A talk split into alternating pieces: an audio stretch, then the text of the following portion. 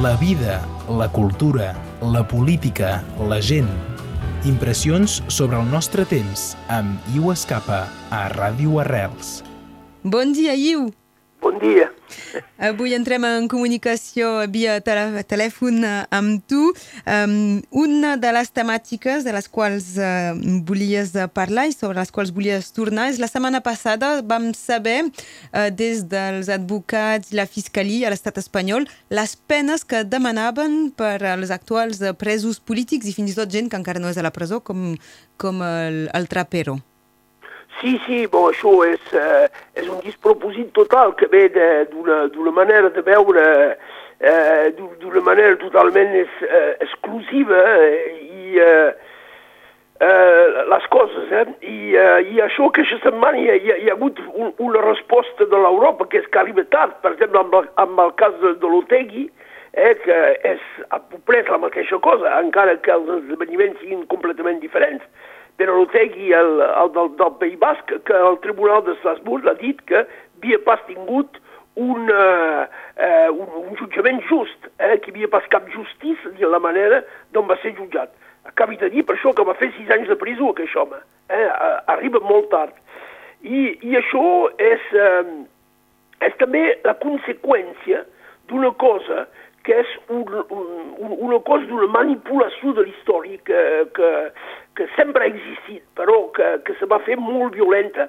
Jo crec que al, al segle XIX, un moment on, on la gent començava, tothom sabia llegir i a tenir informacions, és que se va muntar, en països com França, eh, perquè és sobretot a França que va començar això, bé que ve clar dins l'estat espanyol i de, dels altres estats europeus, una història, una història nacional, un, un relat nacional de la història que era aquí únicament per exaltar la potència i la grandesa d'un país eh, clar, eh, de, de, fent que, per manera que l'altre sigui com una mena d'enemic. L'altre és sempre l'enemic.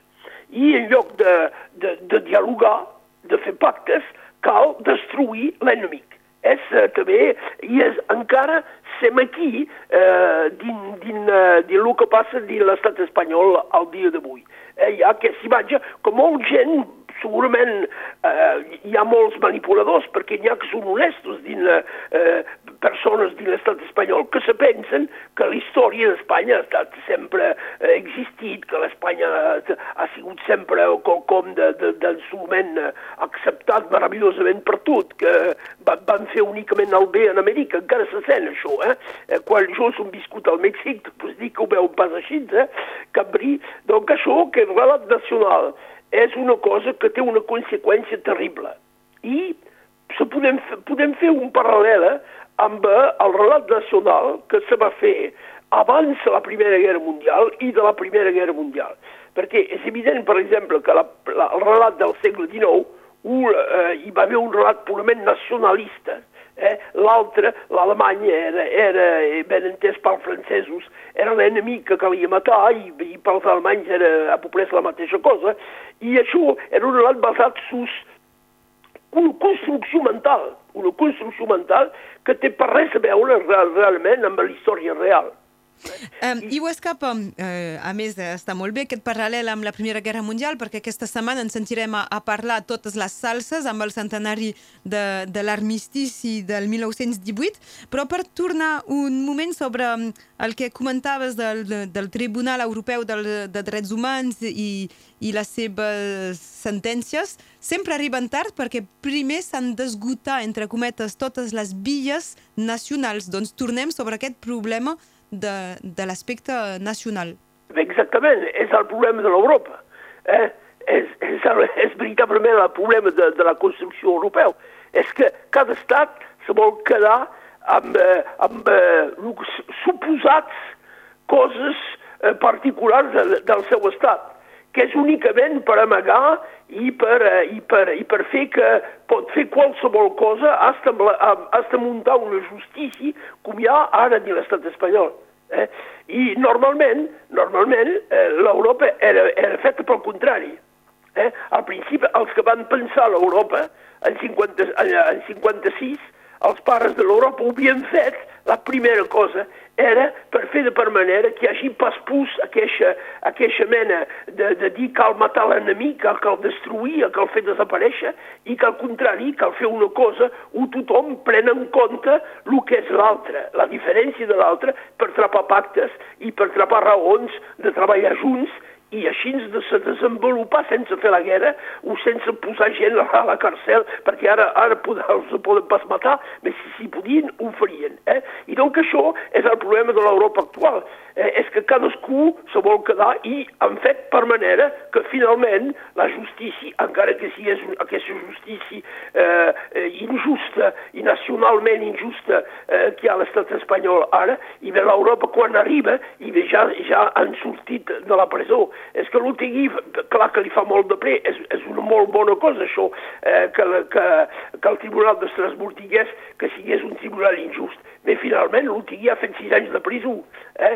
Donc això, pel moment, eh, també jo estic segur eh, que el que passa ara amb eh, la, el procés català, el Tribunal d'Estrasburg condemnarà l'estat espanyol. És una evidència que és una injustícia total, però arribarà dins 4, 5, 6, 7 o 8 anys. Massa tard.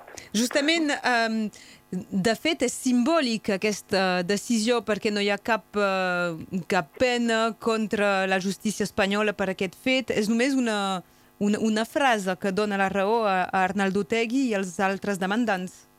Sí, és simbòlic, és simbòlic, però jo crec que si la gent volen eh, reflectir amb això, és més que simbòlic. El problema és que molt, molta gent volen pas ho veure.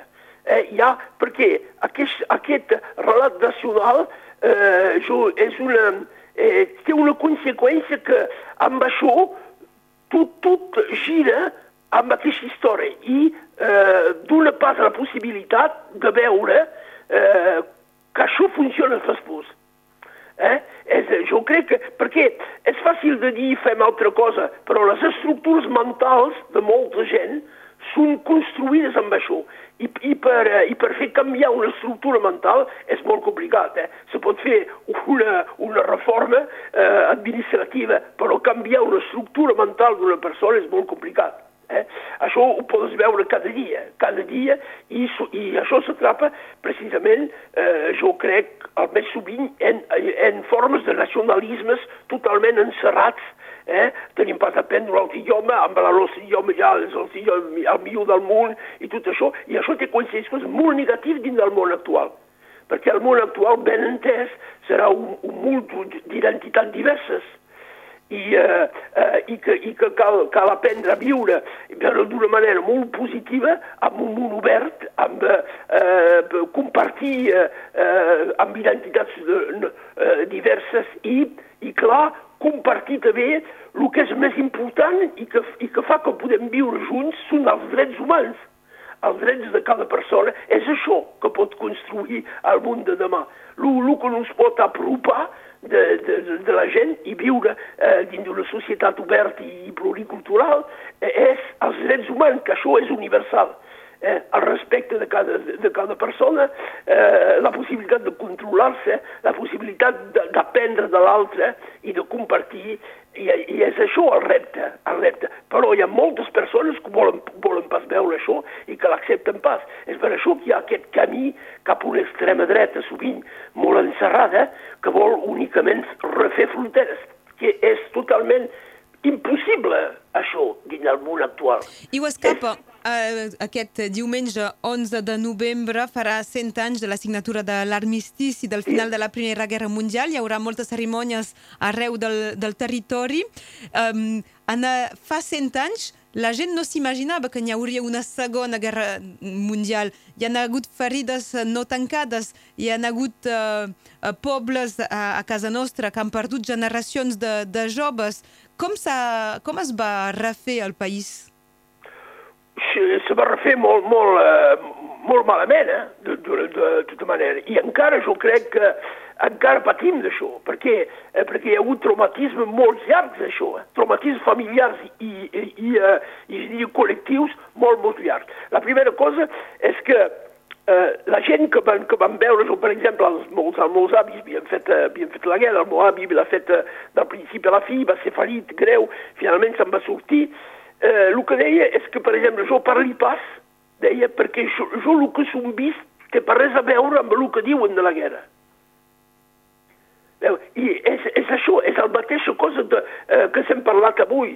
És que després de la guerra se va fer un relat nacional a l'Estat que veieu era necessari per, eh, per, per fer passar eh, tot el que havia passat. Però aquest relat nacional ha continuat, ha continuat. I aquesta gent era, eh, se van dir, bé, nos callem i nos posem a treballar. Però quan posaven a treballar faltava gent per treballar molts que, que, haguessin, que, que haguessin tingut idees noves, que haguessin pogut desenvolupar l'economia, desenvolupar l'agricultura, eren morts, quedaven els vells i quedaven alguns de ferits, i quedaven ferits que acataven el cap. Per què? Perquè havien viscut coses, eh, coses totalment eh, terribles i que els podien pas expressar perquè el que, el que deien era, era considerat eh, com, com una cosa contrari a l'interès nacional eh, perquè l'interès nacional que, que, deia, el que deien els governs en aquest moment era de fer un relat únicament heroic, parlant únicament de França, perquè descuidant totalment que hi havia africans que havien vingut, magrebins, gent eh, de, del Vietnam eh, i gent de per tot arreu, i pels anglesos. Eh, donc, sí, Sud-catalans, i, i, també?